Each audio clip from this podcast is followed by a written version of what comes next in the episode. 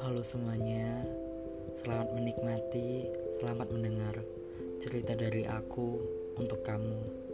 Cerita-cerita yang mencoba untuk menafsirkan apa saja yang aku lihat dan aku rasakan dari perjalananku saat aku tumbuh.